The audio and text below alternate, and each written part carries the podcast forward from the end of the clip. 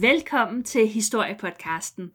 Jeg er Marie, og med mig som altid har jeg Horsens champion i Dam, Katrine. I manuskriptet der står der jo Ludo, og jeg er ret sikker på, at det er en åbning, vi har brugt før. Marie, du må simpelthen til at op dit game lidt. Jamen det er jo derfor, jeg lige sådan lynhurtigt improviseret. Altså, jeg er jo en mester i alt, så det er jo ikke en løgn, men stadigvæk. Ja, det er det, jeg ved. Du Næste gang. Marie. Næste gang. Ja, men du ved, det er simpelthen så svært. Men altså, jeg, kan jo, jeg ved godt, jeg kan jo bare sige hvad som helst, fordi Det passer. alt er rigtigt. Alt er rigtigt. Det er det, jeg siger ude i byen. Øh, Det passer. Det passer. Det var lige en lille... Folk de siger, at. Katrines, Katrines LinkedIn, det kan simpelthen ikke være rigtigt. Jo, det passer. Nu går alle ind og kigger på min LinkedIn. Jeg får den der ugentlige mail. 10.000 har kigget på din profil nu, og jeg var lidt, what? Den er lige så kedelig som alle vores andres. Nej. Nå. I den her uge, der har jeg fundet en af de morsager, som jeg synes er nok en af sådan de vildeste morsager fra Danmarks historien. Øhm, og det er en af de historier, hvor at i hvert fald jeg sidder med sådan rimelig blandede følelser bagefter. Sagen den sendte chokbølger igennem Danmark i 1890'erne. Den rørte ved en hel masse ting, som man ikke, altså man talte ikke om de her ting på det her tidspunkt, og det var ting, man helst ville undertrykke. Og så ved man, at det er en god morsag, når der også er lidt tabu indover. Der er så meget tabu i det her, på alle mulige planer. I slutningen af februar 1893, der bliver den 15-årige Volmer Sjøgren fundet død i sin seng på børnehjemmet Kana i København. Den tilkaldte læge noterer, at drengen er død af en blodprop, men snart begynder rygterne at sprede sig. Man siger, at det er børnehjemmets forstanderinde, Wilhelmine Møller, at hun har haft et upassende forhold til den her dreng. Og rygterne, de vækker mistanke om mor. Og en chokerende sag tager nu sin begyndelse, fordi sandheden om Volmers død er ikke den eneste mørke hemmelighed, som Wilhelmine gemmer på. Det handlede om kvindens seksualitet, om at være udstødt af samfundet. Og så er det en af de første sager, hvor altså folk begyndte at tænke over, hvad køn egentlig er for en størrelse. Se, allerede dengang, folkens, der kunne man tale om det. Og Mhm. hvad vil det egentlig sige at være mand og være kvinde? Og hvad man ikke, altså ikke rigtig kan eller vil kategoriseres som? Mhm. Præcis. Frederikke Wilhelmine Møller blev født i 1845 som datter af metal- og kunstdrejer Christian Frederik Møller og Karoline Wilhelmine Hansen. Allerede i barndommen, der skilte Wilhelmine sig ud. Hun voksede op, skal vi sige, anderledes end de andre piger, og hun var sådan lidt mere firskåren. Og vi skal jo huske, at på det her tidspunkt i historien, der er kønsrollerne 100% fastlåste. Altså, der er to køn. Der er kvinder, og der er mænd. Og de køn kan sig på den måde, som de nu skal. Det var, det var lidt mere simpelt. Det var meget mere simpelt. Altså, mænd skulle se ud og være på en særlig måde, og kvinder skulle se ud og være på en særlig måde. Og der var bare ikke nogen... Der, der, der var ikke noget andet. Øhm, og Wilhelmine, hun er jo en pige, men hun er bare langt fra det yndige pigebarn, som man ligesom forventer af hende. Og det bliver værre, jo ældre hun bliver. Og hendes forældre, de bliver bare mere og mere altså frastøtte over deres lille pige. Og til Mm. sidst, så sender de hende i pleje hos bedsteforældrene. Men det er altså ikke meget bedre, og Wilhelmine, hun har ikke nogen venner, og der, hendes bedsteforældre, de, altså, de gider hende heller ikke rigtigt. De er bare sådan, okay, du kommer her og bor hos os. Øhm, så altså, familien vil heller ikke rigtig have noget med hende at gøre. Og samtidig, så kan hun jo godt selv både sådan se og nok også mærke, at hun ikke er ligesom de andre. Nå, hvad, hvordan løser man det her? Hun skal sendes i arbejde som tjenestepige.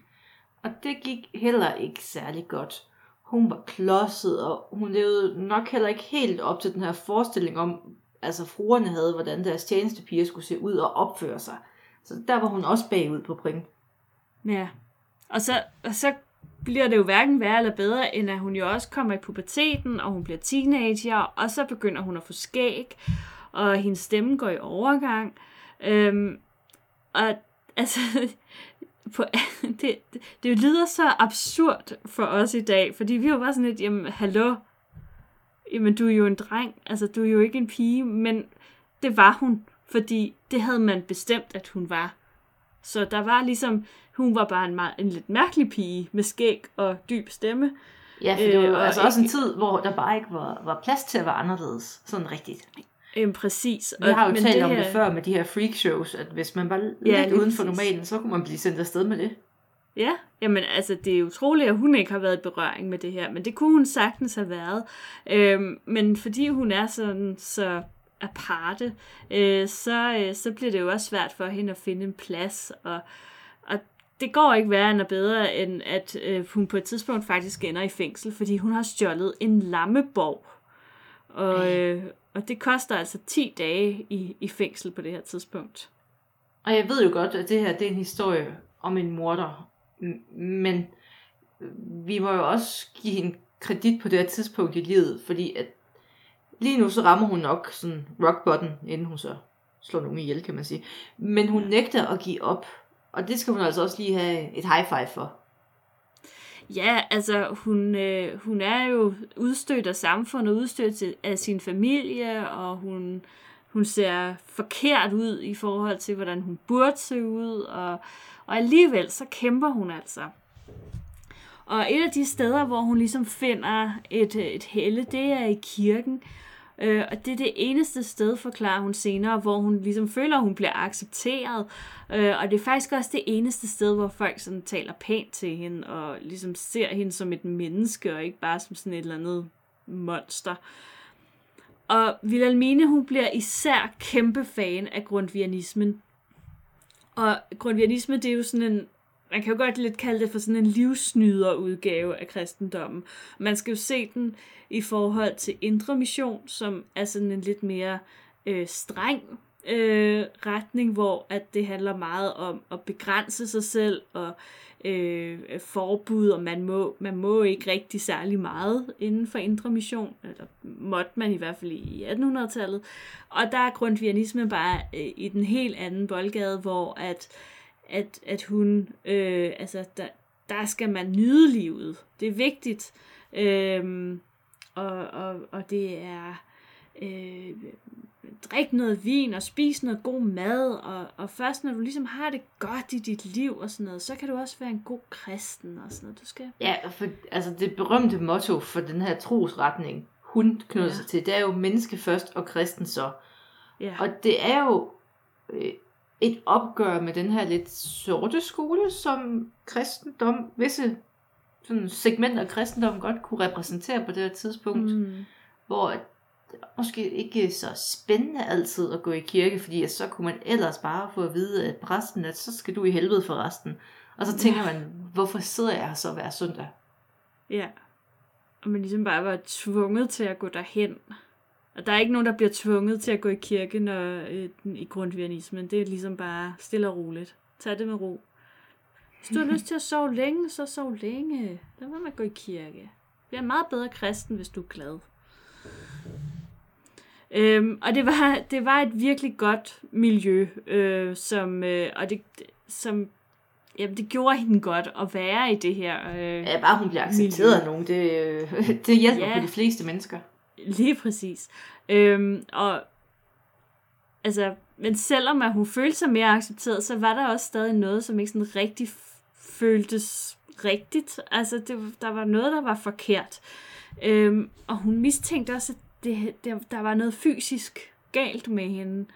Øhm, men hun turde ikke rigtig gå til lægen, fordi puf, det, altså, en kvinde, der går, altså i dag, der går vi kvinder jo til lægen, og Øh, for, for underlivsundersøgelser, og jeg ved ikke hvad. Øh, dengang, not so much. Altså, det, det var... Nej. nej, utænkeligt. Øh, og hun, øh, det, det kan hun slet ikke overskue, og derfor så fortrænger hun ligesom sin mistanke om, at der måske er et eller andet øh, fysisk, som ikke er helt som det i godsøjne skal være.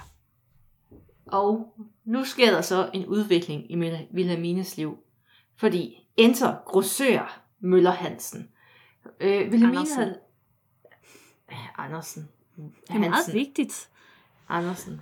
Whatever. altså, jeg er Andersen Hansen blind. Det er en meget sjælden lidelse. Ja. Der er ikke mange, okay. der lider. det. Jeg tror kun, det er mig, men det kan være. Andersen Hansen blind, ja. Okay. Ja, det, det er meget specifikt. Ja. Og Wilhelmine har lært ham at kende igennem kirken, og de, altså, han kommer med et rigtig godt tilbud til hende. Ja, fordi i 1877, der har han lige åbnet et børnehjem, og så tilbyder han hende faktisk et arbejde på det her børnehjem. Og det er jo perfekt, fordi børnene, de elsker Wilhelmine, og hun elsker børnene. Og for første gang i sit liv, så betyder hun noget for nogen, og det skal man heller ikke undervurdere. Og hun mm. gør en forskel, og arbejdet, det bliver hendes kald. Det er det, hun brænder for her i livet. Fuldstændig. Så da Grosser Andersen i 1880 åbner endnu et børnehjem, den her gang, der er det så et, et hjem kun for drenge, så er det jo naturligt at spørge Wilhelmine, om ikke hun vil være forstander inde på det her nye børnehjem. Og om hun ville, selvfølgelig ville hun det. Så nu flytter Wilhelmine til Strandvejen 39 på Østerbro i København, hvor det her nye drengehjem Kana lå. Og jobbet som forstanderinde, det giver også Wilhelmine sådan en vis position i samfundet. Og det udnytter hun på en god måde til at starte med, øh, hvor at hun, hun kaster sig simpelthen ind i den offentlige debat øh, om børnesagen og kvinders rettigheder. Og hun skriver artikler, og hun holder tale om den her meget moderne opdragelse af drengene på Kana. Fordi at Wilhelmine, hun var sådan lidt øh, atypisk for sin tid, fordi hun var stærk modstander af tæsk og afstraffelse. Og det var jo en tid, hvor hvis man ikke markede ret, så kunne man få med bæltet, hvis man var heldig. Mm. Spanskrøret. Alt, hvad man kunne slå med. Og hun gik nok heller ikke med bælte i virkeligheden som kvinde, men Nej, nej. princippet. Øh, til gengæld, så var det vigtigt, at de her drenge, de fik altså glæde og følte omsorg, og det var nok også det, hun ikke selv havde fået som barn, og som hun så giver dem. Mm, altså, tanke. og, og hun, hun udtalte sig også senere om, at den her, det her børnehjem, Kana, øh, som jo var en, en villa øh, med en have og så videre, altså i virkeligheden var det jo opfyldelsen af hendes drøm øh, om, om sådan en lidt lykkelig familie med hus og have og sådan noget, og det var simpelthen den lykkeligste tid i hendes liv, øh, de her år øh, på børnehjemmet Kana. Og man kan sige, at den her måde at opdrage på øh, virker måske sådan rimelig low-key i dag. Øh, det er måske ikke sådan super kontroversielt, at man ikke vil slå sine børn, og i stedet for at give dem glæde og, og omsorg. Men dengang, der var det jo banebrydende, som du også siger, og, altså, og at, at det, at man kunne opdrage børn, og måske især børnehjemsbørn, og især drenge, uden at give dem tæsk, det var crazy. Øh, og Wilhelmine, hun blev lidt af en superstjerne inden for børnehjemsmiljøet. Sikke en status at få. Mm-hmm. Øh, hun kaster sig også ind i kvindekampen, fordi at hun havde jo arbejdet som tjenestepige i København, og hun mærker de her barske forhold, man levede under. Så det lå hende virkelig meget på sinde at forbedre forholdene for tjenestepiger, og egentlig også kvinder generelt. Fordi at hun havde der om nogen mærket, hvor nederen Ja. det kunne være. Ja, lige præcis. Og hun fik også lidt af, sådan en, lidt af en kometkarriere inden for kvindebevægelsen. Øh, og hun nåede også ret højt til tops. Øh, hun var utrolig vældigt, øh, temmelig indflydelsesrig inden for kvindebevægelsen, og meget respekteret. Øh, hun, øh, hun, hun lavede alt muligt, og var ude og holde taler, og øh, Øh, skrev artikler, og altså, hun var virkelig, virkelig på. Øhm, og børnene, de elskede hende på, på, pleje, på plejehjemmet, på børnehjemmet. Øh, altså, det der med at for første gang i sit liv, der følte hun faktisk, yes, yes, det her, det er, det her, det, det er lykken. Og så er det jo, man stiller spørgsmålet, hvad er det, der går galt? Det, der går galt, det er Volmer. Volmer Sjøgren. Wilhelmine havde passet Volmer, siden han var to år gammel. Først på børnehjemmet Godthåb, og da hun flyttede til Kaner, så flyttede han med. Og Volmers mor var enke og syg, og hun kunne ikke tage sig af sin søn selv, fordi hun var sengeliggende og sådan noget. Og derfor var han kommet på, på børnehjem. Men hun fulgte med i hans opvækst og fik jævnlige opdateringer om hans ved og vel og udvikling fra Wilhelmine. Og Volmer og Wilhelmine, de udvikler et meget tæt bånd til hinanden over hans barndom. Og da han var 10 år, der begyndte det her forhold så at udvikle sig i en anden retning, må jeg sige det på den måde. ja, og det er jo så her, hvor at, øh, der måske er to sider af sagen. Øh, ifølge Wilhelmine, der kom den 10-årige Volmer frivilligt ind til hende om natten. Øh, fordi han, han, han kunne ikke lide at sove alene, åbenbart, og kommer ind til hende. Men senere fortæller hans, hans tidligere værelseskammerat så, at hun faktisk tilkaldte ham, så der er sådan lidt modstridende oplysninger der. Øh, Volmer og Wilhelmine, de ligger altså sammen i hendes seng om natten. Øh, de har nattøj på, men de ligger sådan tæt op af hinanden, og ifølge Wilhelmine, så ligger Volmer sådan og trykker sig op af hendes krop. Og på et eller andet tidspunkt i det her, så begynder de sådan at øhm, ja, omfavne hinanden og, og kysse hinanden på sådan en, en ikke så øhm, morsøn-agtig måde, har jeg indtryk af. Men det her, øh, det er jo kun, altså, det er jo Wilhelmines forklaring på sagerne, fordi vi mm. kender af gode grunde ikke Volmers udlægning af begivenhederne, og det er nok også en ret vigtig pointe at, altså i det her, at vi kender jo mm. ikke offeret, det potentielle Nej. offers øh, forklaring. Nej, og jeg ved ikke, har du nogensinde læst øh, Lolita? Det har jeg da. Det er en af mine øh, yndlingsbøger, og, øh, og det er sådan lidt den samme øh, problematik, der er der, hvor at fortælleren er jo i virkeligheden overgrebsmanden. Øh, men man, altså det, nu skal jeg jo ikke spoile den, men der er et twist i den her, hvor at man så skifter perspektiv på historien, og pludselig så får man bare en helt anden fortælling. Og det kan godt være, at, øh, at det var lidt det samme, hvis nu, at, at Volmer havde øh, lived to tell the tale, øh, at han så havde kunnet give en lidt anden øh, historie. Men vi ved med sikkerhed, at der ikke skete mere, end at de krammede og kyssede. Øh. Øhm, der var ikke andet øh, farligt, der skete. Øh, og, og det øh, ved man med sikkerhed af grunde, som bliver afsløret senere. Og de her natlige besøg, de begyndte i begyndelsen af november 1888. Og ifølge Wilhelmine, der sov Volmer hos hende sådan 5 til seks gange til begyndelsen af december. Ja. Øh, og altså, Vilhelmina, hun vidste godt, at det her, det, det var forkert. Øh, og det havde hun egentlig haft sådan en snigende øh, følelse af et stykke tid.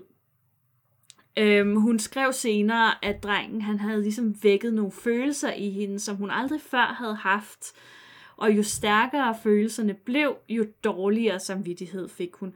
Og så endte det altså med, at hun, hun, hun, øh, hun afsluttede det her forhold, eller hvad man skal kalde det. Ja, og det sker sådan i slutningen af 1888. Altså, så var der ikke mere putten i ske. Men Wilhelmine fik det ikke bedre af at stoppe forholdet. Nej, tværtimod.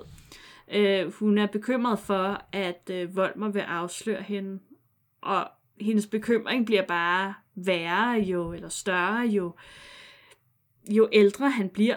Den udvikler sig til sådan angst faktisk. Øh, og hun er selvfølgelig bange for, for, at hendes eget ry og rygte ligesom kan gå fløjten. Hun er jo blevet lidt af en stor kanon øh, inden for den offentlige debat. Og det vil jo være fuldstændig øh, forbi, øh, hvis, hvis det her bliver afsløret. Men hun bliver også mere og mere overbevist om, at hun har ødelagt Volmer på grund af den her upassende ting, de har lavet sammen. Ja, og i 1892, der er Volmer blevet så voksen, at det er tid til at forlade børnehjemmet, fordi nu skal han i lære hos en karetmager i Roskilde. Men så langt når han aldrig. Nej. Fordi efterhånden så får Wilhelmine overbevist sig selv om, at det vil være bedst for alle parter, hvis Volmer dør.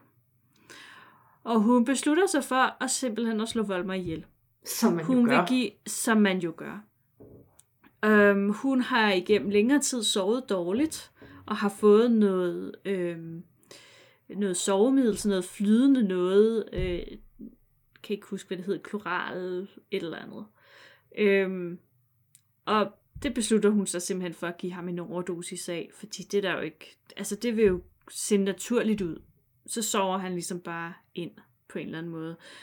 Så nu er det bare, nu har hun besluttet sig, hun har fundet ud af hvordan, så det er bare ligesom at vente på det rigtige tidspunkt. Og øh, hun går også i gang med at forberede hans død, hvilket er sådan lidt creepy. Øhm, hun syr et pudevår, blandt andet, som han kan lægge, øh, hvad hedder det, ligge på i kisten, og hun digter også nogle salmevers, som han skal have med i kisten, og der er sådan lidt, sådan lidt hygge, aftenhygge, hvor hun lige sidder og do it yourself. Mm. Herligt. Der, der er sådan lidt seriemorder over det nu. Altså, Ja, det er tidspunktet creepy. for Volmers død, det øh, kommer i februar 1893. Der er fødselsdag på børnehjemmet, og Wilhelmine har besluttet, at de store drenge gerne må få lidt alkohol. Så laver hun en punch med saftevand og rom, som den gode forstander hun er. Ja, nu skal det være. Og øh, det er første gang, at drengene de får alkohol, så de er simpelthen så optaget af det her, og de lægger overhovedet ikke mærke til, at deres plejemor hælder et glas øh, flydende sovemedicin ned i, i Volmers punchglas. Hey. Og først, der vil Volmer ikke drikke det. Han kan ikke rigtig lide smagen af det her, men Wilhelmine, hun driller ham sådan lidt, eller hvad nu, altså, kom nu, vær lidt voksen. Ikke som tøsdreng. Mm. Og så gør Volmer det, unge drenge gør, når man siger det til dem, så bunder han glasset. Yes. Og der går ikke særlig lang tid efter, så får han det dårligt, og øh, så bliver han lagt op i Wilhelmines seng. Øhm, og der er jo ikke nogen, der fatter mistanke på nuværende tidspunkt, fordi alle tror jo bare, at Volmer han ikke kunne tåle den her punch, det her alkohol. Og senere der kigger Wilhelmine op til ham og konstaterer, at han sover rigtig tungt. Så vikler hun hans hoved stramt ind i sådan nogle tunge uldtæpper, så han langsomt bliver kvalt. Og i løbet af natten, der kigger hun til ham igen, og den her gang, der er han så død. Øh, og hun fjerner tæpperne og, øh, og ligesom får ham til at ligge pænt og lukker hans øjne og sådan noget. Øh, og så går hun ellers i seng igen. Og næste morgen, så tilkalder hun så lægen. Øh, og han undersøger hurtigt drengen, og ingen ved rigtigt hvorfor, at han gør det meget tjusket åbenbart. Han kigger bare på ham og siger, nej, ja, okay, men han er jo død. Han er en ung stærk Ja, mand, det han er han nok også. bare. Han er nok bare død af en blodprop. Og det er det, der bliver noteret på dødsattesten. Og omkring en uge senere, den 5. marts, der bliver Volmer begravet på Vester Kirkegård i København. Og Volmers egen sygelige mor kan ikke rigtig deltage, men Wilhelmine hun sender hende simpelthen en fin beskrivelse af ceremonien, som ifølge hende var, citat, flottere end folk af hans stand kunne forvente. Det er Så. charmerende, ikke? Tak. Nå. Men hun skriver også til moren, at øh, Volmer han fik en flot gul kiste med udskårne blomster og rigtig mange kønne kranse. Og hun lover også moren, at hun vil passe graven og sørge for, at den bliver holdt simpelthen så fin. Men øh, ja, det, er jo det kommer hun jo ikke lidt- til at holde. Det gør hun ikke. På det her tidspunkt, der tror hun stadig, huh, det her, det er gået godt. Jeg er sluppet afsted med det her. Og Volmer, han er kommet i himlen, og alt er godt. Øhm, Det er bare ikke sådan, det kommer til at gå, fordi kort før Nej. begravelsen, der havde Volmers gamle værelseskammerat fortalt sin mor, hvordan Wilhelmine tilkaldte Volmer om natten og krævede, at han sov i hendes seng. Så værelseskammeraten, han er sådan lidt, hmm, mistænkeligt. Det her er lidt mærkeligt. Plejer det at være sådan? Tænker han. Og den her drengs mor, hun kan ikke bare ignorere øh, det her, han har fortalt. Så hun går til børnehjemmets ejer, som jo er øh, den berømte grosserer Hansen Andersen, Lige præcis. Øhm, og øh, han øh, konfronterer Wilhelmine med det, som han egentlig bare regner for at være nogle ondsindede rygter, fordi det kan der jo, altså, det kan der jo ikke på nogen måde være noget om det her. Nej, fordi en kvinde kan da ikke begå et seksuelt overgreb. Ej, Altså, det de har jo knap nok altså, et, altså, de har jo ikke engang lyst til det i virkeligheden. Altså, Nej. de gider jo ikke engang, når de er gift for helvede. Så Nej. det er ikke en mulighed. Altså, det, det har de her kvinder har slet ikke, altså det, det drive i sig. Og Nej. altså, kvinder kan kun nære moderlige følelser over for sine børn. Punktum. Ja. Det er de, den eneste følelse, kvinder kan have. Lige præcis. De Sådan kan være moderlige eller have lyst til at bage. Ja, præcis. Sådan er det. Det er en dejlig enkel verden, det her. Vi er nogle simple, søde Øh, I hvert fald, hvis man er mand, skal vi sige det sådan. Øhm, Groseren, han beskriver senere, hvordan at Wilhelmine, hun bliver bleg og vakler et øjeblik, da han fortæller hende om de her rygter. Øhm, og han regner jo med, at det er, fordi hun sådan er chokeret over, at nogen overhovedet kan tænke, øh, øh, og altså, at nogen overhovedet kan tænke det her om hende, og, og derfor så tænker han, sådan, det er fint, det, her, det jeg har ikke brug for, for mere, og så lader de ligesom sagen ligge. Men nogle dage senere, der bryder Wilhelmine fuldstændig sammen og bliver indlagt. Ja, og altså, der tænker Grosser Andersen jo, at øh, nu, nu må det være nok med det her. Altså, stakkels, stakkels Wilhelmine, som er så plaget af, af de her rygter. Så han går til politiet og beder dem om at igangsætte en officiel undersøgelse, så Wilhelmine, hun kan blive renset for al mistanke. And little did he know. Åh oh, nej. Fordi øh, da Wilhelmine blev udskrevet den 22. marts, der ligger der en fin invitation fra politiet og venter på hende. Og ligesom Grosser Andersen, der regner de med, ha, hende her er den søde kvinde, der kun kan nære moderlige følelser. Men øh, det er det jo bare en forsmag på tingene, men der er altså noget, der ikke helt stemmer i det her, kommer de også sådan til at finde ud af. Ja, øhm, og det er mest fordi, at øh, altså deres mistanke, den bliver vagt, da Vilhelmine møder op på politistationen, fordi hun virker omtoget. Hun kan jo selvfølgelig være øhm, lidt medicineret, men hendes forklaringer hænger heller ikke rigtig sammen. Hun er sådan meget vag og, og fortæller lidt i øst og vest. Og de forsøger sådan at forhøre hende flere gange, hvad, hvad, var der, e- hvad var det egentlig, der skete i det der sovekammer, og hvordan var forholdet til Volmer og så videre. Og det, efter det tredje forhør, der bryder Vilhelmine altså sammen og bekender, at ja, hun havde et forhold til Volmer. Og der var nok sådan en kollektiv lyd inde på politistationen, fordi, hvad? Altså, politiet tænker nu, altså, sådan en kvinde kan jo finde på hvad som helst. Altså, Ja. man skal ikke stole på en kvinde med et sex drive, og sådan er det bare. Sådan er det. Så de må hellere få undersøgt den her drengs død noget nærmere. Så allerede samme dag får Margrethe Volmer op, og de nye undersøgelser af drengen viser der også, at han ikke var død af en blodprop, men af kvælning. Så nu er Wilhelmine mistænkt for mor. Ja. Jeg kan godt, altså be- man bare over, at hun også er pædofil. Øhm, ja, Okay. ja, Spændende. faktisk. Det er ikke rigtig noget, som... Øh, som altså, nu har jeg jo ikke læst, øh, hvad skal man sige, øh, selve øh, retsdokumenterne. Men det er ikke umiddelbart noget, som i hvert fald er gengivet. At, Altså jeg føler det jo det, på en eller anden måde, at i den tid, som kunne have sagt Sodom, eller et eller andet. ja, det, det fremgår i hvert fald ikke af, af det, jeg har øh, undersøgt, at, at hun også blev dømt for pædofili. Øhm, jeg ved heller ikke rigtigt, om, om konceptet sådan i og for sig øhm, eksisterede på det her tidspunkt. På en måde vil jeg gerne vide det, på en, men på en anden måde har jeg virkelig ikke lyst til at google det. Nej. Nej, så bevæger man sig også lidt ind på et springfarligt område, tænker jeg. Lige præcis. Nå, men, men altså, Wilhelmine, hun er jo så mistænkt for mor nu. Øhm, og i begyndelsen, der, der, der nægter hun hårdnakket. Altså, hun, hun siger, det nej, selvfølgelig har jeg ikke slået ham ihjel. Øhm, indtil hun er sådan et, jo, okay, For resten. jeg har slået ham ihjel. Altså, hun forklarer politiet, at hun ikke så mordet som en forbrydelse. Fordi for hende var det egentlig det seksuelle forhold, der var den rigtige forbrydelse. Og i virkeligheden, mm. der følte hun nok også, at hun havde frelst ham. For det her syndens å, hun havde tvunget ned Ja. over ham. Helt sikkert. Altså, hun, hun, hun havde jo fået overbevist sig selv om, at hun havde fordærvet ham, at han var ødelagt, og derfor så var der ligesom Så var ikke hun noget også nødt til at for redde ham. ham. Ja, altså så hun ser det sådan, at hun faktisk har frelst ham ved at sende ham afsted til himmels. Øhm, ja, det er jo så det. Øh, men øh, ja, Wilhelmine tilstår som sagt, og, øh, og så bliver hun anbragt i øh, kvindefængslet på Christianshavn. Og det er her, hun er, mens øh, den næste skandale rammer hende. Fordi under en afhøring, der er der pludselig en tanke, der slår ned i, øh, i ham, som afhører hende. Han sidder der og kigger på hende, mens hun snakker.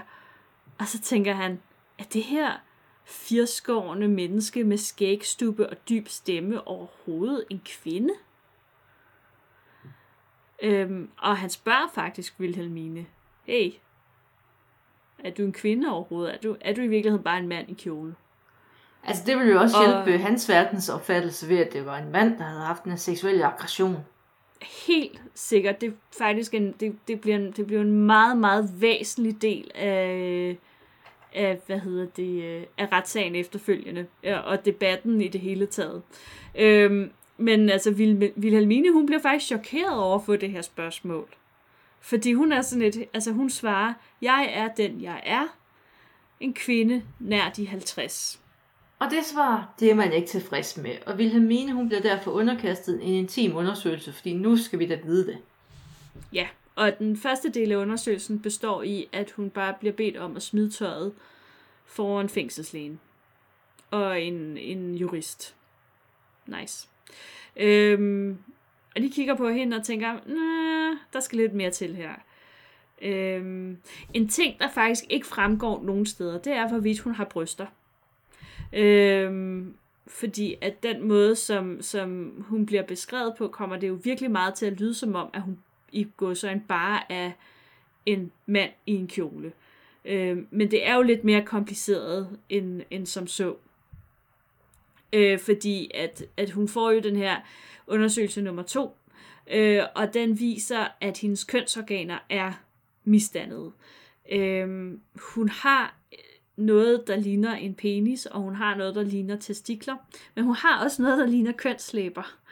Øh, så altså, de er, det er simpelthen et miskmask i en grad, at, at lægen anerkender, at altså, har man ikke vidst bedre, jamen så ved fødslen, øh, så kunne man nemt tage fejl af kønnet. Men han siger, at det er en mand, at hun er en mand i øvrigt. Så i en alder omkring de der 50, der får Wilhelmine nu at vide, at hun forresten, by the way, du er slet ikke en kvinde, du er en mand. Ja, og desværre så melder historien ikke sådan rigtig noget om, hvordan hun tager den her meddelelse. Helt personligt, så tænker jeg, at på en eller anden måde må det jo have været en lettelse for hende. På, fordi, på en at, måde, ja, en, en eller anden form altså, for hvor jeg tænker, at der må være nogle ting, der er faldet i hak for hende på en måde, ikke? Altså mm. i forhold til den måde, hun har set ud på, og, og sådan. Øhm, på den anden side har, er hun jo vokset op som kvinde, og været kvinde, og hendes identitet er, at hun er kvinde. Øhm, problemet er bare, at nu har staten bestemt, at hun er en mand. Og, øh, og hun har ikke noget valg. Altså, det er ikke sådan, at hun kan sige, men jeg vil bare, altså, kan jeg ikke bare fortsætte med at være Vilhelmine? Nej, Jamen, det så, kan ja, så tilbage i de her låste kønsroller. Man kan sige, at hun jo så fordi... på det her tidspunkt nok bytter op, hvis hun ikke skulle i fængsel, kan man sige. Ja, altså, øh, det, det gjorde hun helt sikkert. Øh, men, øh, men nu var hun jo så juridisk blevet en mand, og det betød altså, at hun bliver flyttet fra kvindefængslet over til mandefængslet, og hun bliver, hendes hår bliver klippet af, og hun bliver også iført mandetøj. Det er sådan cirka første gang nogensinde, at hun har bukser på. Og hun står der og kigger på sig selv i spejlet, kan jo måske godt sådan se, at hun, hun, hun ligner en mand, men altså, hun er jo ligesom, en, altså hun hedder jo Wilhelmine, men det gør hun så heller ikke længere. Nej, nej, fordi staten ændrer også hendes navn til det meget maskulin, altså, jeg, jeg har aldrig hørt det navn før, men Wilhelmi. Kunne de ikke bare have sagt Wilhelm? Sorry. Jeg tænker også, hvorfor sagde I ikke bare Vilhelm? Hvorfor Vilhelmi? Altså, det er virkelig mærkeligt. En Vilhelmi, det er jo noget, man godt kan få op i Aarhus. Ja, jeg tænkte også, og det er ikke uddybe, der, der var en Thomas Helmi øh, joke gemt i det. Og hun var nok ikke helt a-okay med alt det her. Fordi en besked til hendes forsvarsadvokat, øh, hun skriver, der beder hun faktisk om, at de her afhøringer, de stopper. Og fordi, altså, det havde bare nået et punkt, hvor det var ydmygende for hende i virkeligheden. og hun skal stilles foran retten i sin nye skikkelse. Altså, der har nok også været meget at bearbejde i det her, udover hun har myrdet Ja. et barn. Udover, altså, Og det, også lige jeg har fået et nyt køn. Altså, det, det er ligesom om, at, at, at den her, øhm, altså selve drabet på Volmer, det træder sådan en lille smule i baggrunden oven på alt det her. Altså, der skal Øhm, virkelig og- noget til, for altså, du har myrdet et barn, du formentlig Ja. har haft et upassende forhold med, at det træder sådan ned i anden række i en retssag, det viser, Ja. hvor vildt det her det er. Ja. Ja. Øhm, og set fra sådan et moderne synspunkt, øhm, der bliver retssagen faktisk lidt interessant, fordi at det er første gang, at man i hvert fald sådan har dokumenteret, at, øh, at, at hendes advokat faktisk forsøger at få hende frikendt på grund af den her kønsforvirring. Så det, at man faktisk inddrager øhm, ja, hendes køn, øh, og det, at, at hun er det her lidt specielle, den her lidt specielle situation. Øhm, altså, vi kan jo lige så godt kalde det, jeg tror, jeg tror godt, man, jeg tror ikke, at det er politisk ukorrekt at kalde det øh, for en hermafrodit. Altså, det er det, hun er. Øhm, det er også det, altså de, det ord, man, man bruger. Hvis der er nogen andre, der ved, hvad man ellers skal bruge, så må I endelig sige til. Øhm, men det er jo det, hun er. Og øhm, altså, det forsøger han simpelthen at få hende frikendt på. Men det, det virker ikke rigtigt. Øh, det, det sker ikke. Og hun bliver øh, kort tid efter dømt til døden. Det er så en dom, der bliver ændret til livstid. Det snakkede vi om for, for noget tid siden, at øh, altså på det her tidspunkt, der eksekverer man jo ikke længere dødsdommen, så, øh, øh, så, så derfor så bliver den lavet om til, til en livstidsdom. Og øh, nu er jeg så lidt i tvivl om, fordi problemet er, at jeg ved ikke rigtig, hvordan at Wilhelmi eller Wilhelmine sådan selv har det, og hvad, hvad hun han ligesom selv følte, at han hun var. Øhm, så derfor så ved jeg ikke rigtig, hvad jeg skal til, om hvilket pronomen jeg ligesom skal bruge her. Øhm, Altså, men, så kan man øhm, sige dem, hvis det er. dem, ja, dem, øh, hen måske, øh, afsoner dommen i øh, Vridsløse Lille Fængsel. Og det er jo sådan, de fleste kender som øh, Egon Olsens fængsel. Egon Olsen. Ikke så langt fra, hvor jeg er vokset op. Ja, det er jo... Du er så vestegnsagtig. Det er... Og efter 11 år i fængsel, der bliver Helmi løsladt. Og efter sigende, så er det nogle af øh, deres tidligere plejebørn fra børnehjem, som går sammen om en appel til kongen. Ja, det er sådan noget, man kan på det her tidspunkt. Så det er øh, per kongelig resolution, at øh, Wilhelmi øh, bliver løsladt. Og ude af fængslet, der skifter øh, hen øh, navn igen. Det kan jeg egentlig godt forstå.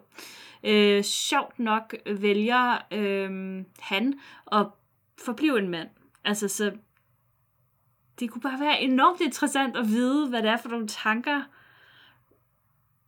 har gjort sig omkring det her kønsskifte.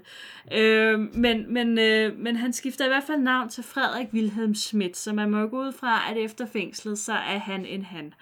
Øh, han gifter sig også med en øh, 13 år yngre kvinde, og øh, det er en lidt spøjs øh, situation, fordi at øh, den her kvinde var faktisk øh, hans fangevogter, mens han sad i kvindefængslet på Christianshavn.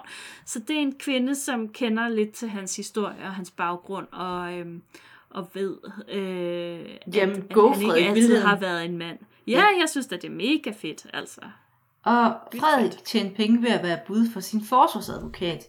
Men han ender sine dage på fattigården, og konen dør i faktisk 1925-ish, mens han selv dør i 1936, så det er jo sådan ikke så lang tid siden. 100 år. Ja. Nej.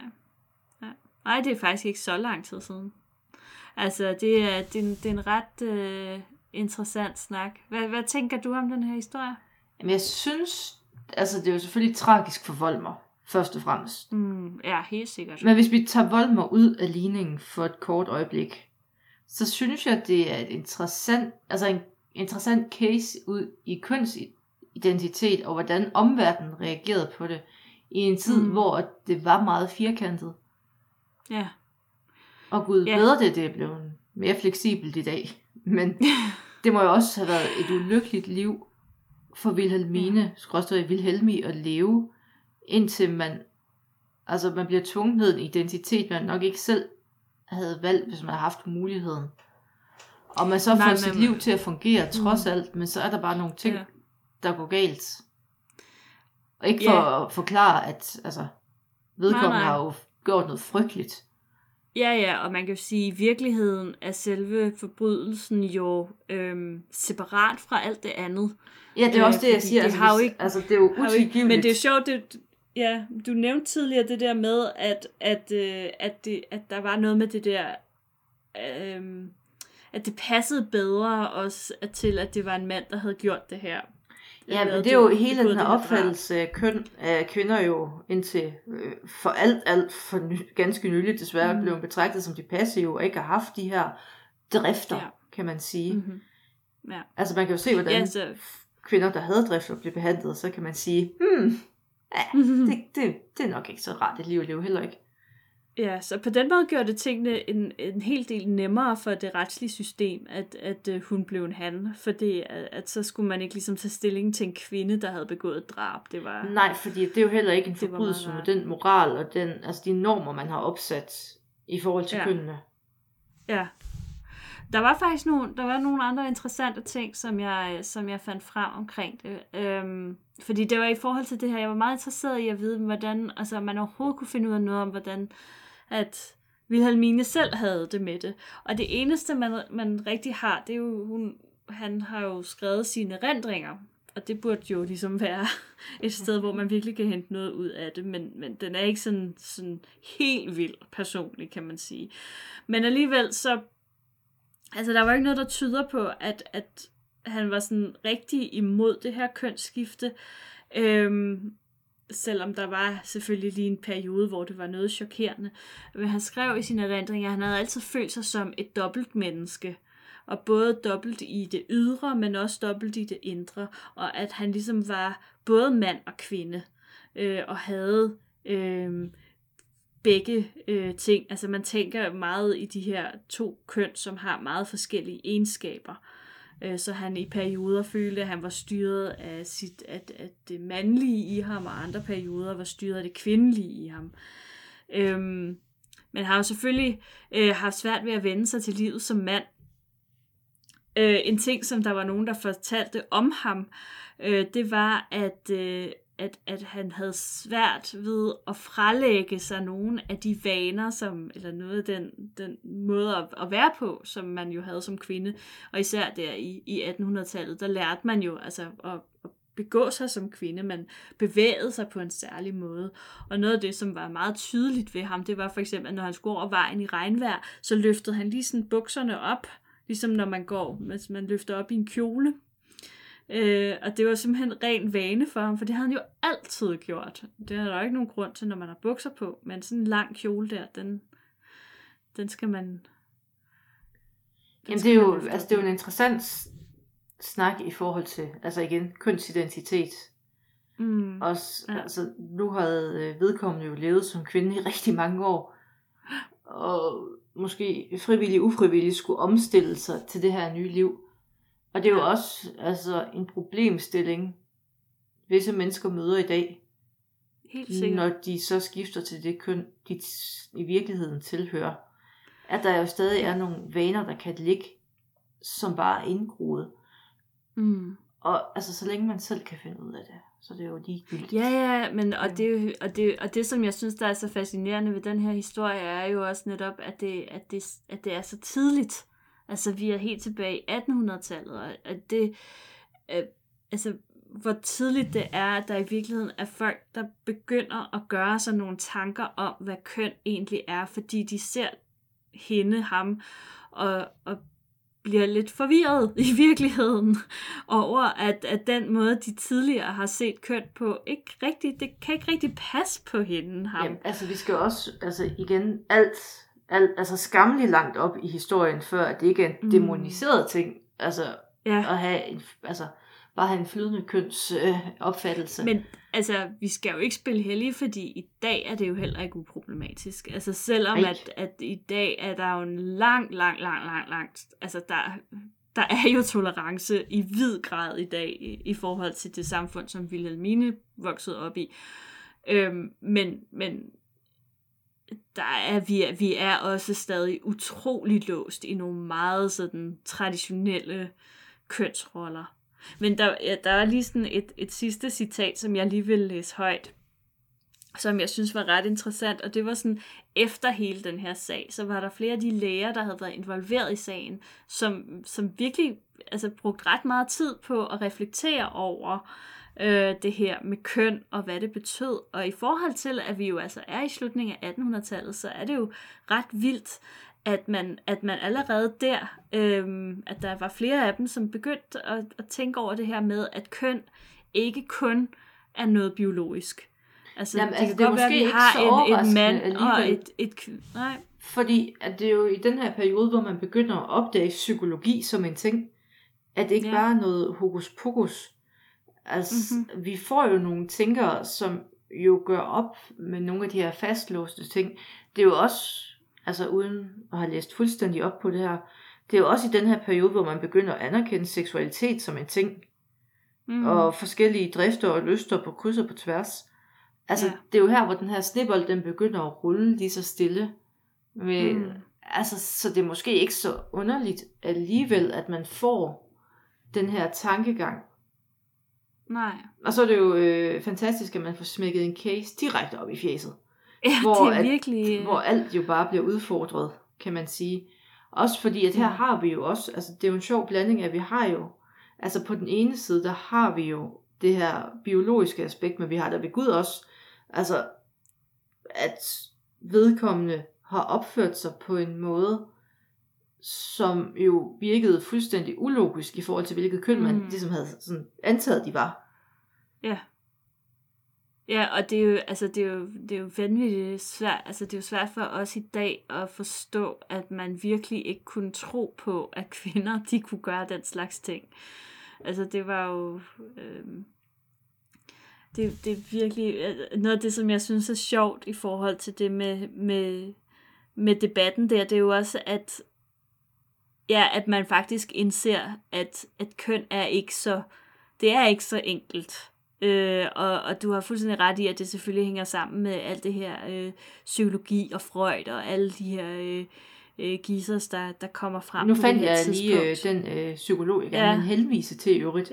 Det er Henry ja. Havelock Ellis, som okay. begynder at undersøge seksualitet her fra 1897 til 1923, hvor Ja. ja. at, altså, man får skrevet syv bind om sexens psykologi, hvor han jo blandt andet kommer, altså, og han kommer også til at snakke om altså, lige rettigheder for kvinder, fordi at, hov, har de også Ja. ja. lyster?